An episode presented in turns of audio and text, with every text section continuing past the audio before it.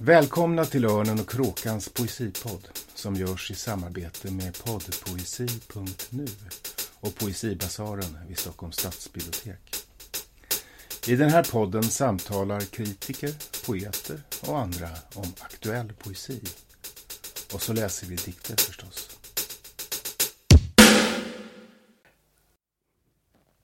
Välkomna till Örnen och Kråkans poesipodd.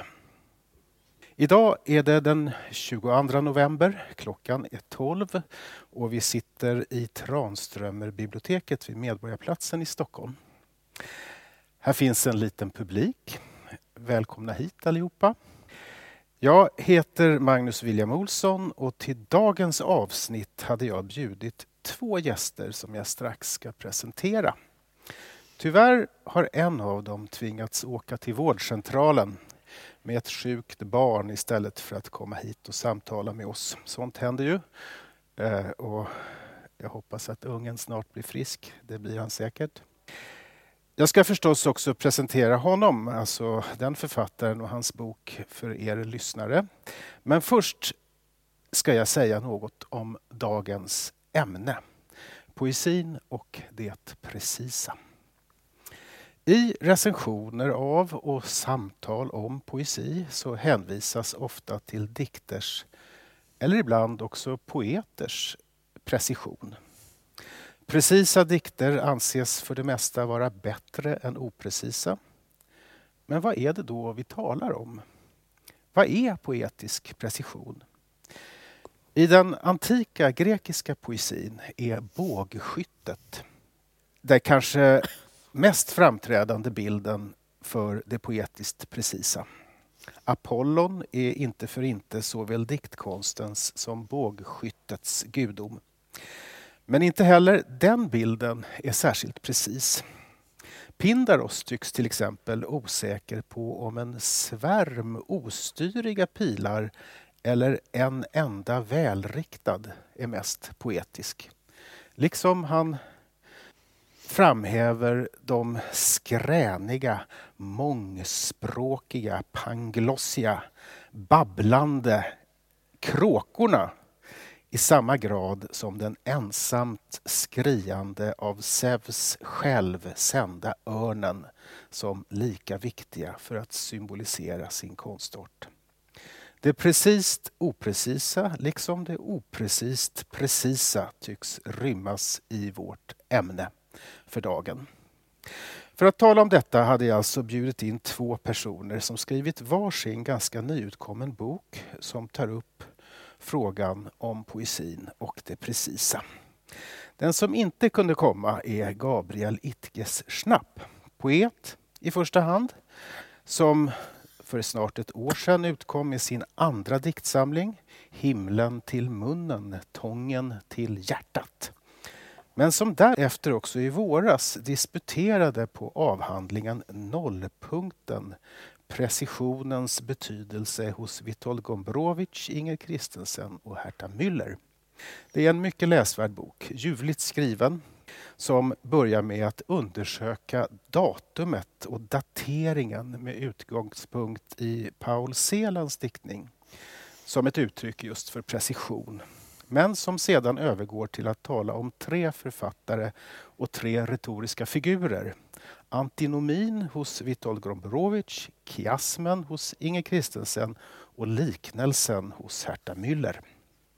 Vi kanske kommer att hänvisa till Gabriels studier i vårt samtal idag, eh, men inte i huvudsak prata om den förstås. Eh, det får vi försöka göra någon gång när Gabriel kan själv vara med.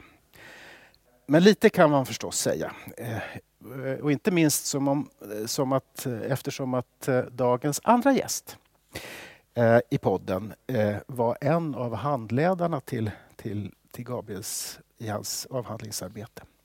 Nämligen Marcia Sakavalkante Schubak. Välkommen hit Marcia. Tack så mycket Magnus. Du är ju just hemkommen från Rio de Janeiro. Mycket just igår eftermiddag eller något sånt landade du och befinner dig väl i jetlagens särskilda mellantillstånd. Hypnagoga tillstånd brukar Thomas Tranströmer skriva om. det mest poetiska av alla. det är mellan sömn och vaka.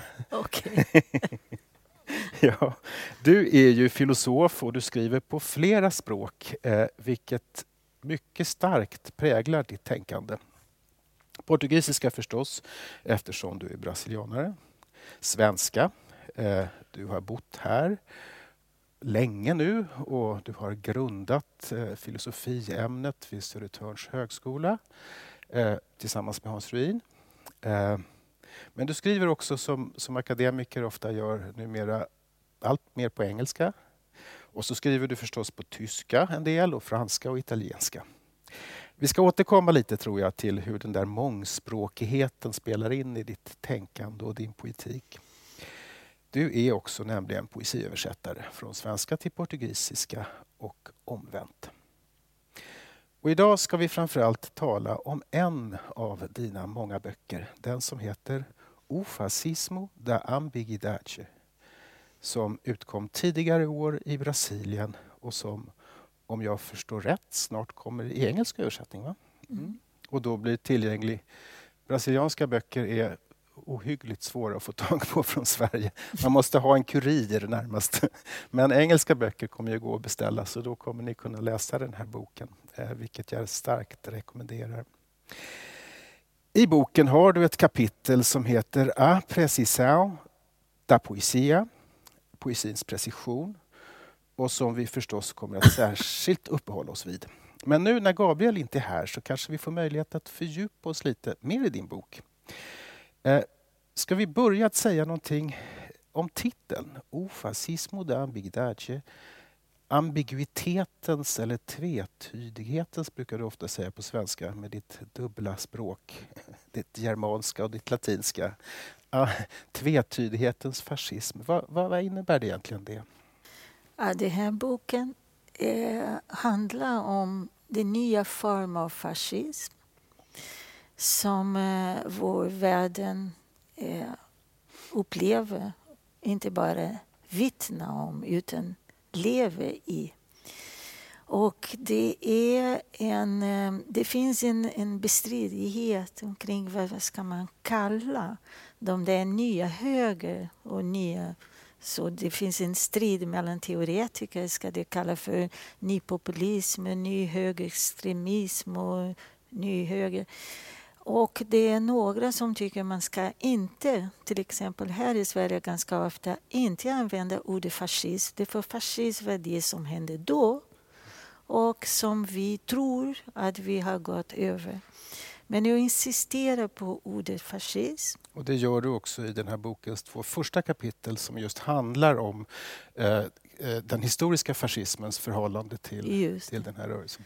Och framförallt för att det handlar om den nya formen av förbindelse. När ordet fascismen kommer från fascio som betyder denna sätt hur man sätter ihop de där olika trådar kring en eh, machado. Eh, jag ber om ursäkt för jag är med portugisiska är först nu. Mm.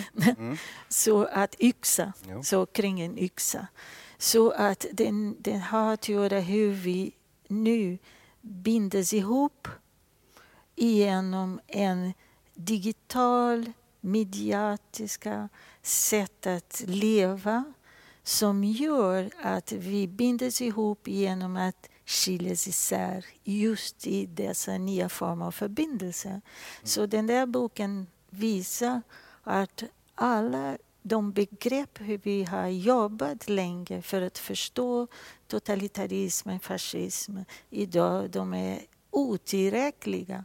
För att de tänker i dikotomiska termer medan vi måste tänka och genomlysa de tvetydiga handlingar. Mm. Och där kommer ju det här begreppet, begreppet. ambiguitet. Och det skriver du också ett kapitel om i boken. Just det här hur just. förbindelsen ska förstås som ett ambiguitet. Och, och där, och så, på svenska säger du tvetydighet. Och det där känner jag, det är en, kanske är en eh, Översättning? Ja, en, en alltså, eh, ambos är ju båda. Man skulle kunna säga både ochighet eller någonting också. Eh, det är en slags, eh, jag menar, eh, eh tve, två. Eh, det, det germanska ordet har de här rötterna till, till, eh, till det, medan, medan uh, det ambig Ambiguitet betyder också båda två. Mm. Och Det betyder att de är på samma gång. Så att vi måste förstå den där som är svårighet att hitta ett teoretiskt språk och samtalsspråk är att förstå till exempel att den överpolitisering som sker överallt i världen, den avpolitiserar på samma gång. Just det.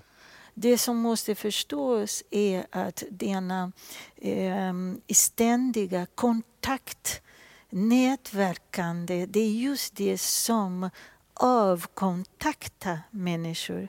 Och den som jag försöker beskriva som är den centrala tesen är att när vi tänker på en värld som är styrd av en ny liberal ekonomisk ordning där alla värden, värderingar reduceras till pengvärde. Allt detta som alla upplever på något sätt, som lever med detta bättre eller sämre i olika eh, omständigheterna. Det betyder egentligen som Marx redan har varit väldigt tydlig pengar betyder mening. Sentido. Sentidus. Pengar ja. är ingenting. Pengar är en ekonomi av meningarna.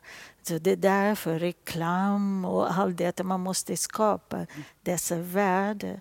Så hela dynamiken som jag kallar för tvetydighetens dynamik handlar om hur meningar cirkuleras idag på ett sådant sätt att den överdrivs. Det blir en hyperbole, hyperboliska meningar, överdriften som tömmer meningen. Mm. Så vi lever i en värld som är helt meningslös mm.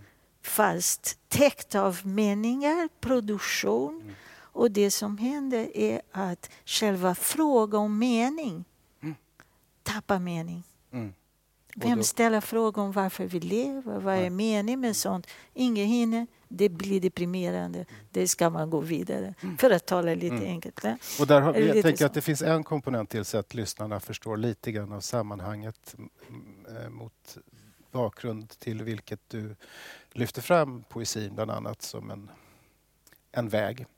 Eh, och det är att det finns också en teknologisk dimension av det här eh, som är viktig för dig alltså, och som har att göra med, eh, med eh, vad ska vi säga, det, det, ena är den globala nyliberala ekonomin eh, och dess sätt att producera mening och tömma, mening, tömma meningen på mening.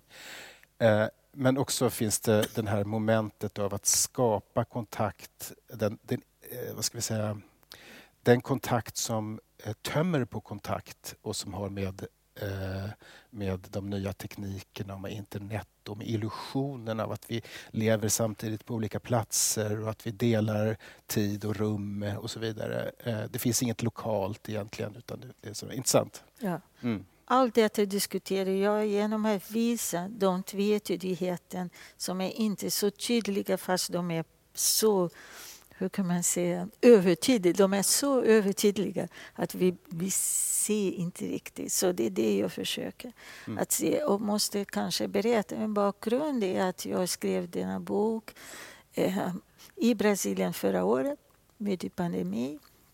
Och eh, i Brasilien lever vi den, allt detta på ett väldigt tydligt sätt. Ja. Och precis sätt.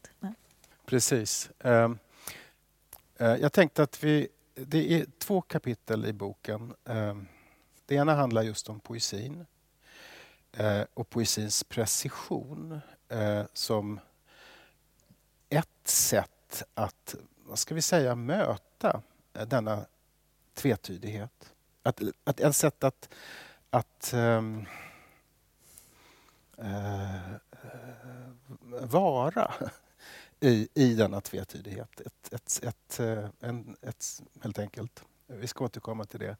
Eh, men, men det, i det andra kapitlet, jag tänkte att kanske vi ska börja med det för att det har med förbindelsen att göra. Så eh, tar du upp eh, rösten. Eh, och eh, du tar upp eh, det som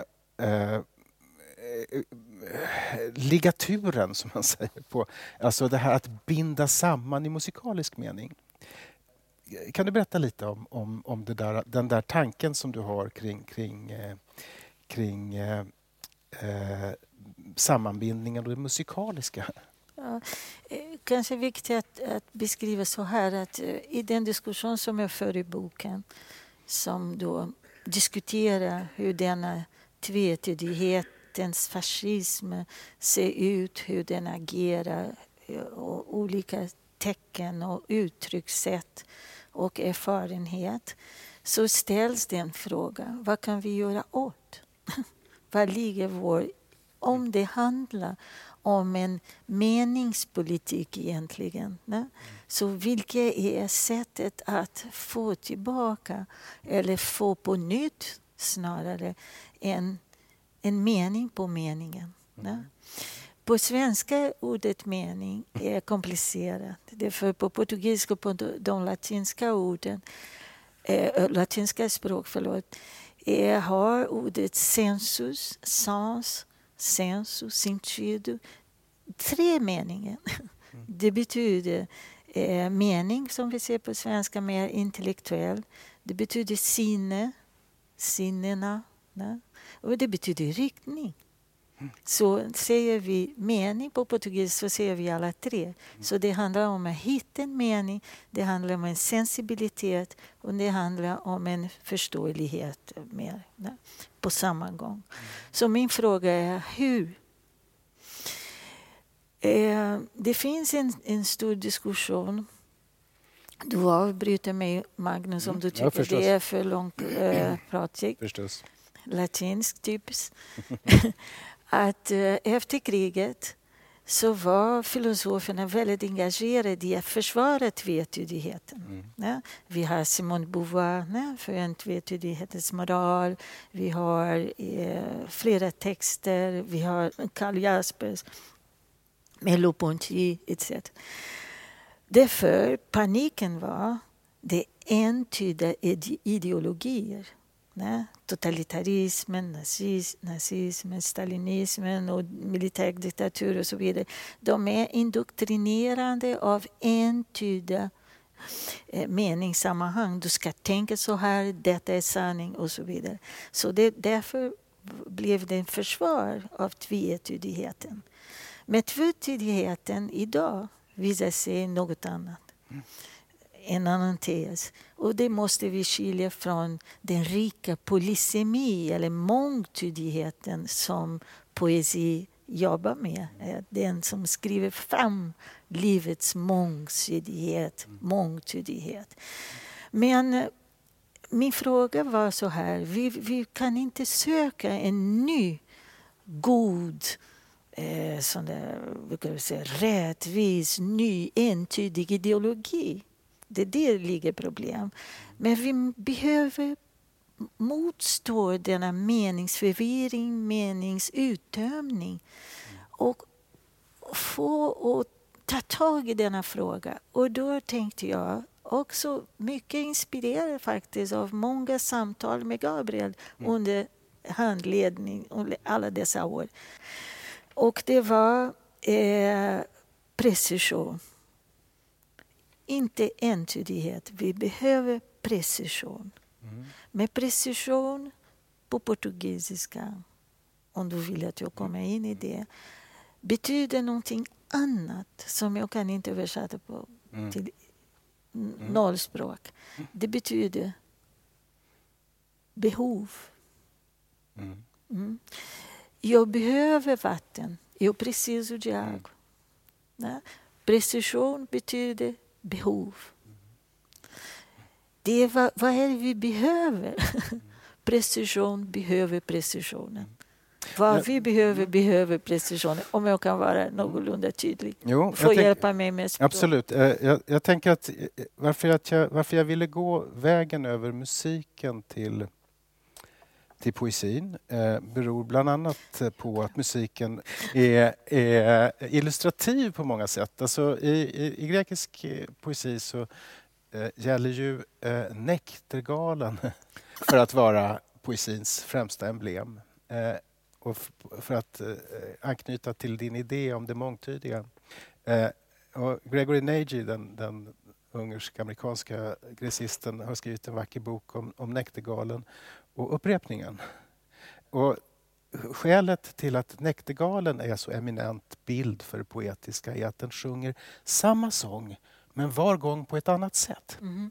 Eh, och det där tänker jag är en, en, en modell för en typ av eh, mångtydig precision. Mm. Intressant. Näktergalen är precis. Mm. Ett annat sätt musikaliskt är ju eh, så att säga, tonbildning och tonalitet. Alltså, mm. Alla som, som har spelat ett instrument vet ju... Om man, stäm, om man ska stämma ett instrument mm. det är ju på ett sätt en precision som liknar matematikens. Alltså, det handlar om att eh, oscillerande mellan att mellan handens rörelse när man tar tonen och lyssnandet mm. så uppnår man samma svängningstal. Intressant, mm. precis som en ruträkning varje gång mm. blir likadan. Så att säga. Men, men om man ska ta en ton med en stråke mm. och, ska, och ska få den inte bara att, att vara eh, rätt, så att den, det blir rätt ton, men också så att den eh, blir precis. Mm, mm. Eh, då, det där är ju en annan form. Det är inte en matematisk precision utan det är, en, eh, eh, det är någonting annat. Och, och, och vad säger, musikalisk precision i denna mening, den är ju till skillnad från matematisk till exempel, eh, är den ju eh, just bunden till sinnena, till lyssnandet mm. och inte bara till det kognitiva, så att säga, mm. som en matematisk uträkning är. Mm. Där tänker jag att, att, att musiken är ett intressant ger en intressant ingång till att tala också om, om poesin. Att det är eh, det precisa eh, i musiken. Säg, ta eh, Bachs partitor eller, eller, eller eh, som jag har lyssnat på väldigt mycket de senaste dagarna, Sjostakovitj eh, eh, eh preludier, pianopreludier. Alltså det är ju, eh, det kan man göra. I dem finns en potentiell precision. Man mm. kan göra dem precis. Det finns också musikstycken som man inte kan göra precis för att de är mm. oprecisa i någon mening. Mm. Här, här, har, här, finns det i alla fall en, en, en, en, en relation mellan utförandet, handlandet, det performativa kanske man kan säga och, eh, eller kanske det interpretativa och eh, det själva föremålet, dikten, stycket snacket eller, mm. eller talet om man tar, pratar om matematik. Mm. Eh, förstår du hur jag menar där? Ja, jag förstår. Jag, vi, jag, jag tappade lite tråd till din fråga som jag ja. hade då. Jo, det... din fråga. Men jag... Eh, om jag återgår till boken och till din mm. första fråga om ligatur. Ja. Ne? Och sen jag går, mm. går där. Är att jag så mitt förslag var då, då måste vi tänka poesins precision. Precision som jag förstår finns bara i poesin. Mm. Så eh, jag hade en diskussion med Gabriel, synd att han är inte där. Därför jag, jag, håller, jag insisterar på att det finns en skillnad mellan precision och det matematiska exakthet. Den poetiska exakthet är annorlunda. Mm. Och jag tycker det är det vi behöver mest. Och eh, även om det är viktigt att förstå samband dem emellan och hur de förhåller sig till varandra. Men det andra hållning mot den där mm, hemska tillståndet av denna tvetydighetsfascismen var att tänka hur denna figuren som en grafisk figur, en tecken, ligatur, nej, när man skriver så här. Bågen, över, bågen noterna. över noterna i en mm. partitur. Mm. Men hur den performas, hur den läses när en instrumentalist spelar den och läser. Den kan ge oss en, en hint, en öppning för att tänka på nytt denna innebörden av samvaro. Vad innebär att vara tillsammans. Mm. mm. Att vara bunden, vad ordet liga, ligadura, mm. betyder. Och det som jag ser som väldigt viktigt, och då tänker jag inte så mycket på musikens precision i det här kapitlet, men jag tycker din fråga är superspännande och viktig att mm. utveckla, är att den, en ton och sen i en röst mm det sker en förbindelse mellan oss och det förflutna och framtiden och närvaro. Mm. Och närvaro. Därför jag tycker den största illusionen av vår digitala världen är att se att vi lever bara i det närvarande, i presens. Och jag tycker det som vår digitala värld gör är att den kapar vår närvaromöjlighet med denna illusion av att vara här och nu. Här. Så jag gör en stark skillnad mellan fortvarande, la durée, Mm. varande på svenska, presens particip och Åh, här och nu. mm. Carpe diem, det är kapitalismens gud. Här och nu och så vidare. Nej, presens Men det du skriver där är ju att den Ja. här ligazao, alltså, alltså denna förbindelse ehm, eh, med eh, relation till då ligaturen, det musikaliska förbindandet Mhm. som både är ett tecken men också är ett sätt förbinda rent musikaliskt. Just, ett absolut. sätt att göra det. Ja, göra det, Ja, ja. precis. Att den här förbindelsen, den, eh, det är en förbindelse mellan framtid och förflutet. Men det är också en, en, en förbindelse mellan nutid och nutid eller mellan presens och presens Mhm, som du mhm, är, mhm, mhm. är ute efter att försöka tänka med, den här, med Mm. det här begreppet. Intressant. Mhm. Ehm, ja. Och det, det, Bara för att beskriva vad det står. Ja, Ja. precis, för vad, vad det står Mm. Men då tänker jag igen på, ehm, jag tänker igen på din dubbla... ditt, eh, det är, ibland är det, nu, nu har jag läst det här på portugisiska och kämpat mig igenom med stor lycka den här boken. Eh, men när man... Att läsa, det är väldigt ofta som den här dubbeltydigheten, alltså ligar, eh, li, eh, eh, ligare och binda, det är ju två väldigt olika ord etymologiskt sett. Intressant. Bandet, det är ju faller tillbaka på, på repet.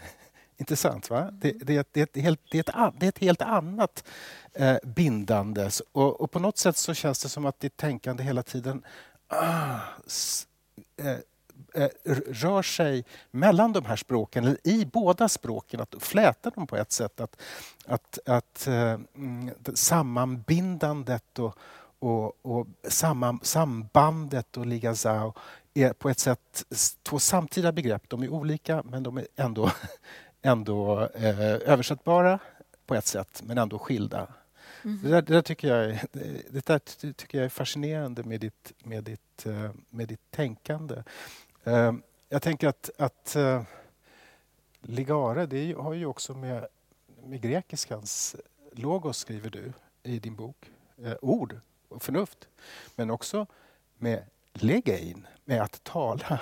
Det som sen blir latinets legere, att läsa. Och att läsa är ju en ligatur, att binda samman ljud till, till mening just på ett sätt. Där finns, en, där finns också en, en, en intressant, en intressant eh, eh, förbindelse. Mhm. Eh, Men, men ska vi försöka komma in lite på, på poesins precision som du... Du talade ju vackert om hur du hade argumenterat med Gabriel om att det är poesin som är precis snarare än prosan fast han ju skriver om två prosaförfattare. Nej, nej, det- prosa, poesi, det, det är inte så viktigt. Nej. Men jag menar, eh, till skillnad från naturvetenskap, denna Ja. exakthet och så I vidare. din Det, bok så det är mera det. en distinktion mellan det precisa och det exakta. Inte Jo, det, Mm. det behöver inte vara så exakt Nej. så. Vi kan också öppna.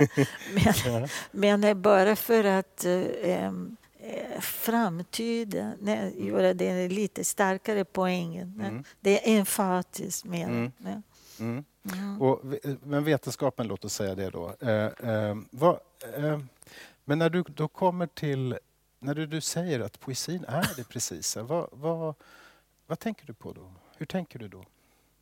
Ja, det är många tankar. Förstås? Det är många tankar. Jag hade till och med för förberedelse i, i morse för eh, det jag skrev här i själva boken. Eh, det som är, eh, jag eh, insisterar, jag koncentrerar och fokuserar i det här kapitlet i boken där jag talar om poesis precision. Jag talar om en brasiliansk eh, kvinnopoet. Ännu inte så känd i Brasilien, nu mer och mer. Eh, hon, hon, kom ut nu, hon kom ut, hon är död, men hennes dikt kom ut nu på franska, en del, en antologi. Och eh, några som jag då översatt till engelska som kommer in i, i, min, i min bok när det ska komma. Och nu med Magnus hade vi tänkt att vi skulle göra översätta mera Oridis. Hon hette Oridis Fontella. Hon levde kort, inte 58 år gammal. Väldigt fattig. Helt utanför den intellektuella kretsen i Brasilien. Brasilien har enormt rikt poesi, mycket levande. Det händer massor. Det har hänt ett, um, fantastiska saker. Vi har minst tre tusen gånger bättre Bob Dylan än Bob Dylan. Och Bob Dylan vet dessutom, men det är bara här som han inte vet. bara vill skoj. Men eh, utan nationalism. Men Eurydice var en väldigt fattig person. Hon levde så ensam och hon, hennes bild är så fin. Den där bilden på henne. boken här. Ja, ja. det ses, så, så var hon. Men hon uppmärksammades medan hon levde eh, av några teori, eh, litteraturvetare och så vidare. Hon studerade filosofi vid Universitetet de São Paulo och hon, hon har några det är stark Heidegger hos henne. Men i och med alla är inte heideggerianer, man försöker se det var inte riktigt Heidegger trots det var mer Wittgenstein. Men det var mycket Heidegger. Hon läser själv, jag läser honom som poet, inte som filosof. Hon läser mycket Kant och så vidare. Men hennes poesi är poetisk. Det är inget försök att kultivera en sorts filosofisk referens eh, där. Men det är en dialog.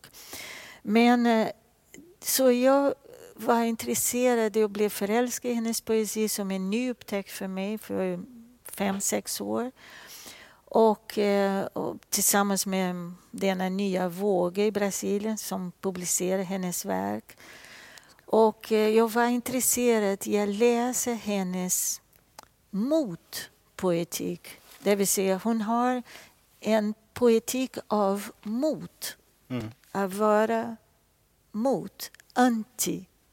Och det var det jag var intresserad av. Hur kan vi tänka motstånd genom att tänka djupt på vad anti, mot innebär? Bara förklara, kanske var för långdrag. Nej, det var jättebra. För att ja. det... Men det som jag ville och, och fokusera på precision i min bok var att det, det som vi behöver är inte precisa orden för att beteckna ett fenomen. Till exempel det begreppsliga, det, så att säga, den här filosofiska eh, så att säga, begreppsarbetet, att precisera orden så att de blir allt mer exakta i sina, i sina referenser. Just det. Nej. Och inte heller en idé att poesi är precis för att den har detta ord, detta, om man tänker så. Men poesi är precis för att den säger detta kommande till ord.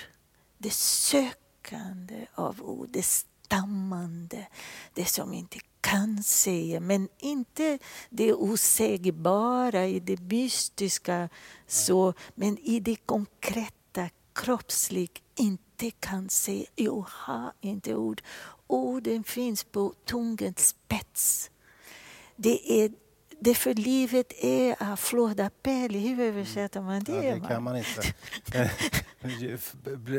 det, rodnande, eller eh, på något sätt... Eh, under the skin ja. är det närmaste. Kanske. Men det betyder i skinnen, i, i hudets blomma. blomma.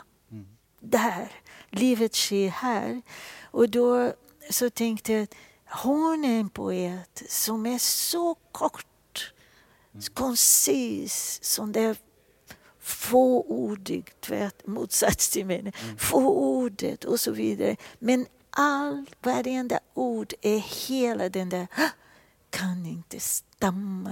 Denna hård kamp för att komma fram till orden. Det här också, är precis... Jag, jag tänker att eh, hennes poesi eh, tematiserar också detta, detta, att komma till orden. Den, den, de både så att säga, eh, Eh, precis som, som, som eh, musiken såväl läser ligaturen som spelar ligaturen så är hennes dikter sådana att de, de både, de både eh, ehm, eh, ut, ger detta kommande till språk som talar ibland om detta kommande till språk. Ja, på väldigt, väldigt koncisa väldigt sådär verser med ett ord eller ett ord. Och hon också borde avbryta ord mycket utan formalism. Det är väldigt intressant för i den modernistiska traditionen den moderna poesi i Brasilien,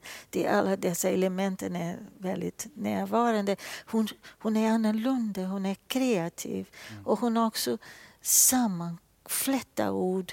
På svenska är det väldigt vanligt, men på portugisiska inte så vanligt på latinska språk. Och bilda fantastiska ord. Sa, två bild, sätta ihop ord, ja. sammansatta ord. Ja, sammansatta, ja. Precis. Mm. Mm. Uh, du, uh, vi, vi, har, uh, vi kanske, nu har vi pratat så mycket, vi kanske, en av de dikterna du tar upp som i din bok som både handlar om och ger detta, eh, för, detta kommande till eller sträckande sig mot språk, eller vad jag ska säga, som hon gör. Den, den heter eh, Todo. Allt eh, och jag har eh, gjort en översättning av den för detta program, för denna podd som är öppen till för att den ska vara lite diskutabel. Eh, eh, och jag tänkte, ska vi prova att läsa, Marcia? Eh, att du läser förstås på, på, portugisiska och så läser jag sen på svenska.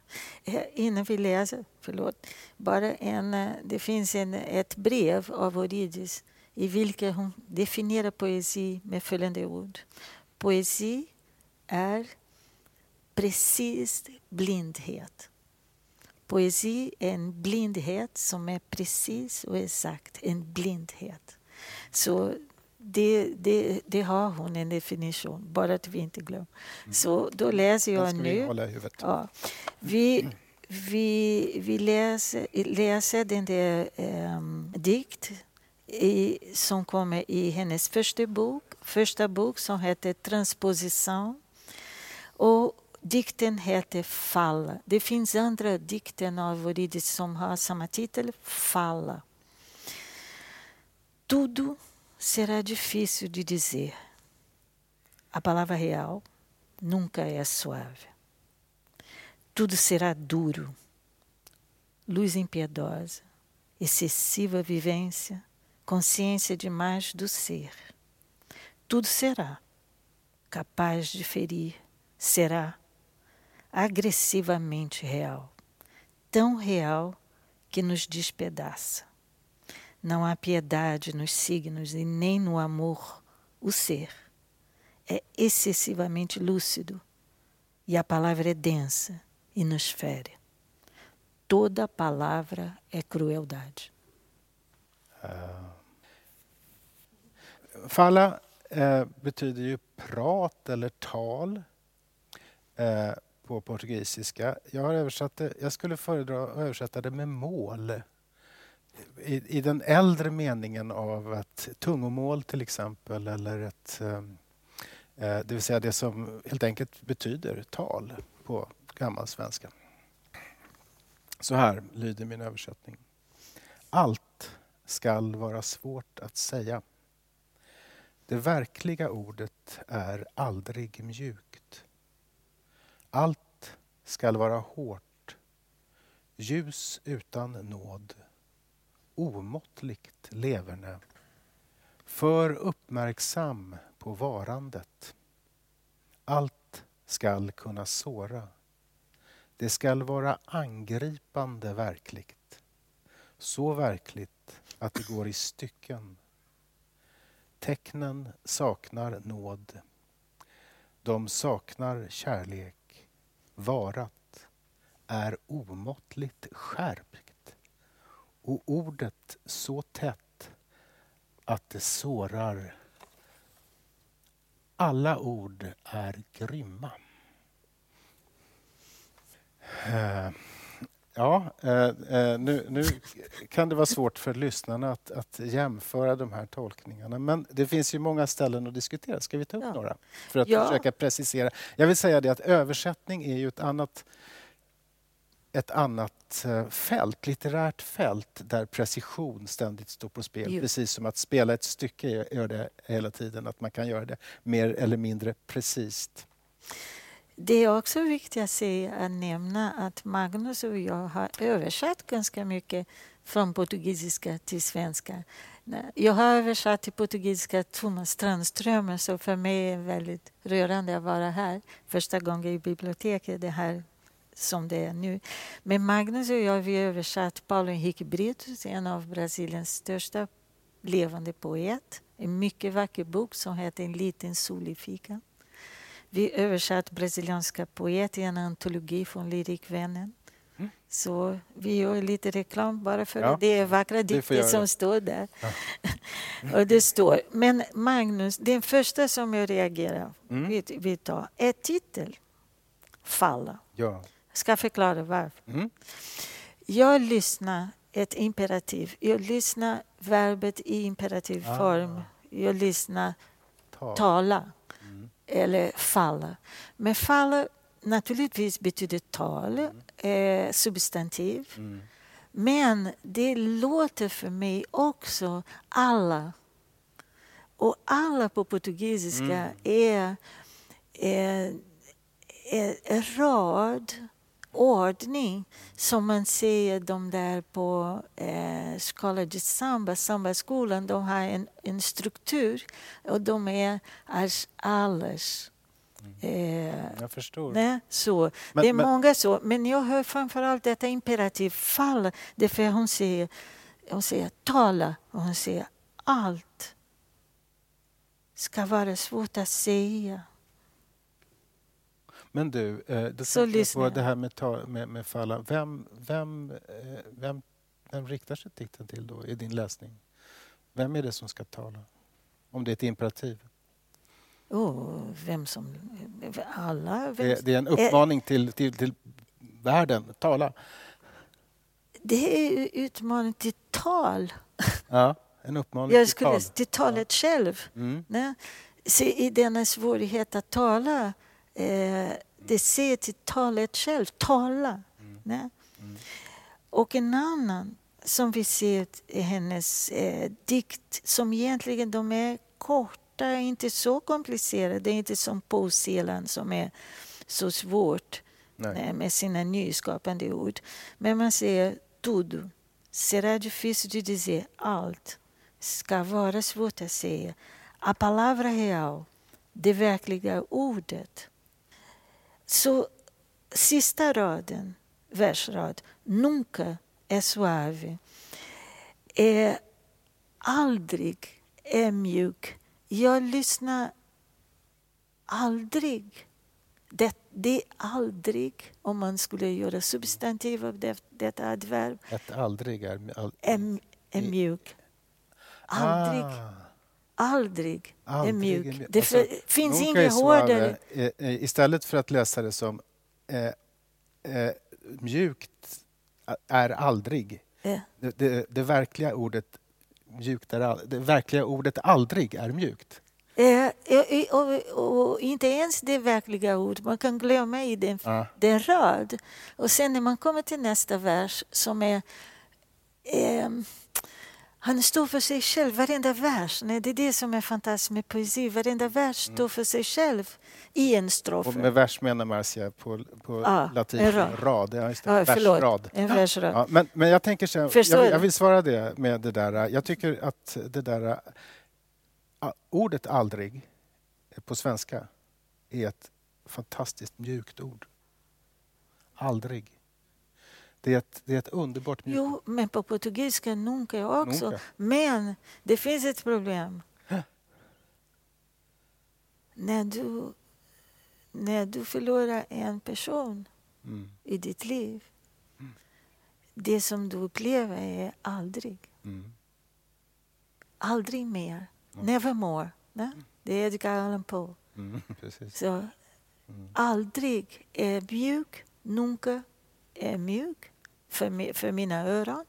Men det är det hårdaste. Det finns inget hårdaste än att säga aldrig mer ska se det. Mm. Men, eh, men sen kommer ju nästa rad, Toro Seraduro. Alltså allt ska vara hårt. Ja, allt ska vara hårt. Allt ska vara hårt. Ja. Ja. Aldrig, aldrig är mjuk. Mm. Det hårdaste är mjuk. Och allt som är det mjukaste, allt, alltid, Mm, ja. det kosmiska, ska vara hårt. Ja? Så, Ehm, ja. mm. Ehm, sen har vi... Eh, eh, vi Det- har ju den där sista raden i nästa strof. consciência demais do ser. Ja. Ja, jag, jag skulle inte mjuka upp med uppmärksamhet, Nej, som vi, vi, vi ska prata om det. kanske. kanske. Ja. Ja, Därför medvetande är så jobbigt. Medvetande. Det, det är ett medvetande. fruktansvärt ord. Det är Man fruktansvärt. kan inte använda det. det. Ja, det är därför det ska vara. Okej. Tycker jag. Det är så fruktansvärt. consciência. Ja. Ja. Därför på svenska har vi samvete och medvetande. På portugisiska har vi bara Ja. consciência. Mm. Nej, vi, har, vi kan inte skilja. Så consciência, medvetande, Mm. too much, demais. Nej? Allt för för- mycket, allt, allt för, för mycket. Med, eh, men uppmärksamhet för mig är, är fint och bra. Jag menar så, uppmärksamhet kan rädda världen, medvetande kan döda världen. Ja. Eh, Allt för mycket, Allt allt för för mycket. mycket medvetande. allt för mycket medveten. Ja. Men allt för mycket uppmärksamhet, det skadar inte. Allt Nej. för nej. nej. Mm. Nej, jag vet inte, men det, det, men det kan vara uppmärksamhet. Det är, det är inget problem. Det är tolkningsfråga. Mm. Nej. Eh, angripande, Ja, det är ju för det är, för det är aggressivt. Det, det ska vara hård. Eh, Aggressiv, aggressiv. ja, det är etymologiskt. Jag, alltså, eh, Men angriper det hårt? ja, alltså, jag, jag, aggressivt eh, är ett omöjligt ord på svenska. Det är nästan omöjligt att använda i en dikt. Det- Det blir eh, inte bara aggressivt, det blir liksom... Passiv aggressiv. nu Ja, det blir blev liksom, det, trendigt. det, det är auto, det, det angriper dikten. Ja, okej. Men, men då så tänkte jag... okej. Och då var min tanke, då gick jag tillbaka etymologiskt och tittade på ordet och det Mm. kommer helt enkelt av att, bli, att, av att angripa. Ja, att okej. Och då så tänkte jag, jag, jag går in där. Det var, det var, en, det var en typisk eh, Ja. Nej, det, sätt att försöka precisera någonting. Kanske, men om vi ska återkomma, återkomma till den, frågan om poetisk precision här Mhm, i översättning. mhm, Som mhm. ju å ena sidan är, som du säger, att, eh, som du har eh, eh, uttryckt här, att när man översätter från portugisiska förstås så finns det en massa betydelser ah, som är, inte är eh, upp, uppenbara Mhm. men som ändå är betydelsefulla och inte minst kanske i, i hur ordet låter och eh, hur det klingar av andra ord. Mhm, Intressant va? mhm. Eh, men, och och det, det, det där är ju intressant vad det gäller eh, eh, precision eh, i översättning. Därför att man kommer till eh, till exempel det här ordet eh, aggressivt verklig. Eh, real är, är ju i sig ett svårt ord eh, Mhm, för att det är mhm, mycket mhm. mer komplicerat eh, En verklighet. än verklighet. Va?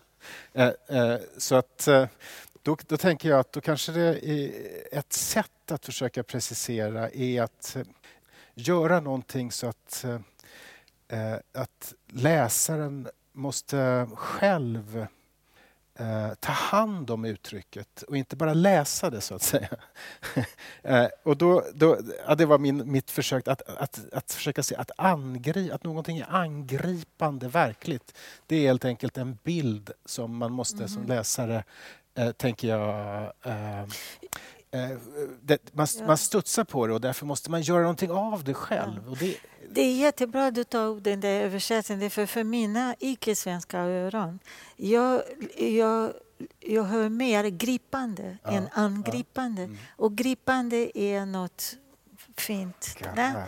Det griper mig, det angriper mig som något eh, varmande, Mm. eh, emottagande och, och rörande. Mm. Men jag hör med mina icke-svenska öron, så de är diskutabla. Förstås. Nej. Ja, ja, men det, ja, visst. Och det, det där säger väl någonting om precision. Alltså, men jag tänker att eh, vad, vad poetisk precision eventuellt är. Jag, jag, jag vill insistera lite grann på Mm. att det, att det är en potentialitet. Alltså det som dikten, texten kan ge oss är en potentialitet för, för det precisa Mm. som i någon mån måste ändå aktualiseras i, i, i, i någonting. Eller man måste ta hand om det i alla fall. Jo, men jag, jag tycker poesi betyder tvärtom aktualiserande av just det. Det är precision av det possibla, av det möjliga. Och jag tänkte på en passage av Marina Tsvetajeva. Och Marina eh, Tsvetajeva var en rysk poet, så viktig, men hon också var flytande fransk. Hon skrev på franska, så hon var mm, två mångspråkig. Och, och, och att vara flerspråkigt betyder att, att man lever i mellanspråklighet. Man lever aldrig i ett eller det andra. Man, le, man lever på väg mot det andra och de andra språk. Och där händer, det är där det händer precisionen. Och hon har en väldigt fin beskrivning och hon säger att hela mitt skrivande är ett lyssnande för att koppla till musik. Mm. Jag lyssnar till sången, jag lyssnar inte till orden. Och de orden, de letar jag efter. Mm. Men jag letar efter för att höra sången. Och då ser hon precisionen, de precisa antydande i mitt öra är lite mer till höger, lite mer till vänster, lite mer höger, lite mer där, lite mer där. Lite, eh, eh, lite snabbare, lite nej, långsammare. Så denna sökande som är väldigt precis som en vägsträcka när man orienterar sig. Det är därför mening betyder riktning, när man försöker så. Och plötsligt kommer det ordet, det för ordet får komma. Man får ge plats att det kommer. Det, kom, det, det, det, det, det ges plats men det finns också ett mått av avgörande i det. Inte sant? Alltså att, man, eh, att eh, det både kommer, uppenbarar sig, uppdagas men det är också ett, ett avgörande att man ser att detta är ordet. Jo, jo, men det är samtidigt. Ja, det är det är samtidigt. samtidigt. Mm. Men man kan inte tänka att man stannar här och väntar till orden kommer. Nej. Eller man bara söker sig till orden för att man är så bra poet och så har alla referenser och kan alla vers utan till från alla poeter över hela världen. Det finns ett det där. Men där har vi... Jag, menar, nu, jag tycker att vi är lite grann... eh, Tiden går här och vi måste Oj, så småningom avrunda. Men eh, jag tänker att här har vi en idé om precision, poetisk precision som är, handlar om ett, ett, ehm, ett, ett att röra sig mot språk, ett att, att röra sig mot ord, att, eh, eh, att, att, ett att komma till språk. Eh, många, ofta tänker man ju att, att, eh, att poesi är ett språkarbete, ett arbete i språket. Men jag tänker nog eh, att eh, poesi i hög utsträckning är ett arbete för att komma till språket, för att komma till ordet. Eh, och att det är där som eh, eh det precisa eh, ligger. Och det gäller ju kanske faktiskt allt skapande egentligen. Jag menar, vad gör man när man skapar? Om man ska, om man ska spela ett stycke eller om man ska... Man prövar ju. Man prövar, nej inte så, men kanske så. Nej, nej, lite mera så. Nej, kanske så. Intressant va? Att det är en slags... Eh, ehm, att eh, att eh, precis, precisionen är i själva verket ett preciserande. En, ett, en, en, en, ändå en slags rörelse mot. Jo, men eh, det, det stämmer nog. Men det finns någonting som jag tycker Eurydice har formulerat på ett så fantastiskt sätt. Eller hennes poesi egentligen formulerat på ett fantastiskt sätt. Att precision har att göra att, eh, att ordet hör till det verkliga. Mm. Det är det verkligas ord. Mm. Det är inte ett ord om verkligheten. Det är inte ett ord om någonting. Det är ur. Mm. Och det är ur för att man verkligen är i verklighetens avgrund. Mm. Lyssna, mm. lyssna till detta. Mm. Så det här är komplext för det kräver så många saker. Men det är sökande till ord i ordet. Mm. Så det är inte så att man, som jag förstår, att man är här och söker ordet och kommer fram. Det är i ordet, I ordet som ordet, detta söka ordet. Och det, ja. Ja, jag hoppas att uh, det här gick in i mikrofonen nu. Det var en fråga från en person i publiken som, som uh, helt enkelt frågar om, det, det, här, om, om problematiken vi talar om inte skulle kunna exemplifieras med det japanska satori-begreppet. Uh, ja, det, jag kan för lite om det för att riktigt kunna veta om, om, det, om det är för min del giltigt. Men en intressant vinkel utan tvekan. Eh, jag skulle vilja fråga en... Jag tycker att det, men det är, det är spännande att få ett, ett annat perspektiv. Ska jag, får jag fråga, det här kanske är en fråga som du inte vill ha, Marcia, men eh, jag gör den ändå. Eh, om, om du skulle ställa detta, denna precision, denna, detta poetiskt precisa Eh, det precisa i poetisk mening mot eh, filosofisk precision. Eh, är, är det samma? Är det ett, är det, handlar det om en, ett annat sätt? Um. Jag tycker det, de är väldigt annorlunda. Och de är väldigt annorlunda just för att en filosofi har som, eh, hur kan man säga, som ämne eller som ådor, det är det som är den drivkraften, som jag förstår är att ifrågasätta våra egna frågor. Inte att ge slutgiltiga svar, lösa problem. Det är många filosofer som tycker det. Men som jag ser det som filosofi har mest eh, skapande kraft är just att ställa nya frågor i världen som en uppgift, en mm. meningsuppgift. Men filosofi på sätt och vis är, är, poesi på sätt och vis är bejakande. Mm. Um, om du läser Dante, nu är det sån där med mycket diskussion om Dante och hans vulgari eloquentia, den den, Folkspråket. Vad heter, vad heter den? Folkspråket. Folkspråket. Alla hans exempel är ja. Mm. Och poesi kanske har denna precision av att kunna bli överraskad av ögonblicket. Och vad detta omtumlande, ne? att, detta, att man ser på alla många eh, hur kan man säga, dimensioner av seende ett på samma gång. Är inte det vad Aristoteles säger, att förundran är filosofins själva grund också? jo, man kan säga att det finns liknande av patos i både filosofi och poesi. De har alltid sökt. Mm. Och, och, ja, och blivit så rädd för varandra båda två. Hödelin brukade säga att filosofi är ett hospital. Spital, sa han på sin dialekt.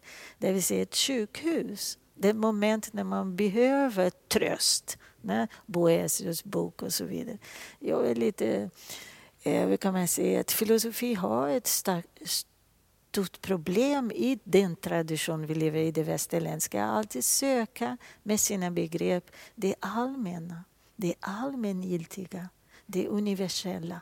Mm. Och filosofi är det enda språk av det singulära. Nej? Men du, du skriver... Som jag förstår. Du tänk, ja, just det, eh, eh, där säger du ju i, i den här boken och på andra ställen så kallar du filosofins eh, teo, teorins teori, alltså att teoretisera teorin. Och, Mhm. och en teori, eh, hur en teori, det, det är ett annat ämne för en annan podd, men hur Mhm. en teori kan vara precis. Ja.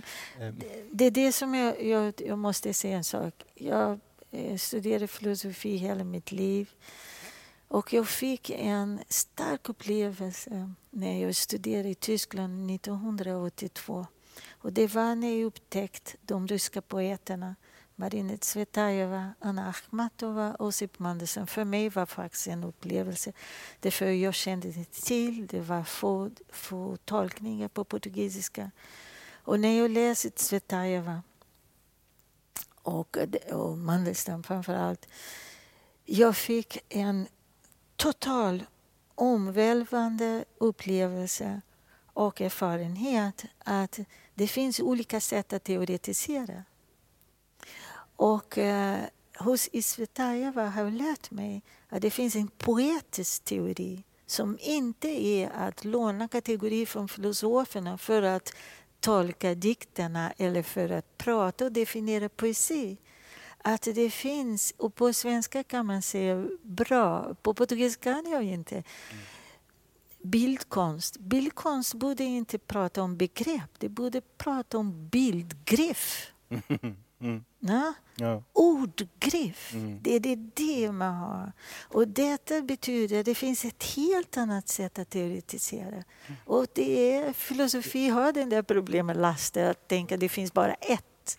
absolut, och där har man ju också, jag tänker på Orides här, som en, där hennes poesi så finns det ju ett, ett av teoretiserande av filosofin nästan. Eh, I hur hon, hur hon använder just eh, till exempel vara-begreppen. och- Mhm, Ja, absolut. ja, det, här, det här är, Det här är ämne ett ett stort podd. ämne. Ja, det är ett stort, ett stort stort ämne. podd. kommer mina Eh. kollegor bli arga på mig. Ja, vi, ska, vi ska sluta den här podden här. ehm, ehm, just i början på en annan, eller vad ska jag säga. Eh, för tiden har gått och vi kan inte hålla på hur länge som helst. Eh, jag vill gärna uppmana våra lyssnare eh, och inte minst poeterna bland dem att läsa Gabriel Itkersnaps Nollpunkten och förstås också eh, O fascismo de ambiguidade eh, när den så småningom kommer ut på, på ett, ett språk som vi kan få tag på här. Eh, tack Gabriel som inte kunde vara med här men som på många sätt är orsak till det här samtalet. Tack Marcia, tack Poesibasaren och Tranströmerbiblioteket och tack publiken. Nästa podd, den som kommer att bli det sista för året, eh, den ska, om inte allt kastas över ända, eh, gästas av författaren Maria Sennström som ska berätta om och läsa dikter av en poet som dog för snart 30 år sedan. Älskad av många och som eh, kanske, kanske, kanske är på väg att få en renässans, nämligen poeten Petter Bergman. Men innan dess publicerar Örnen och kråkan förstås varje onsdag en recension att läsa eller lyssna till. Tack ska ni ha. Tack för idag. Tack själv.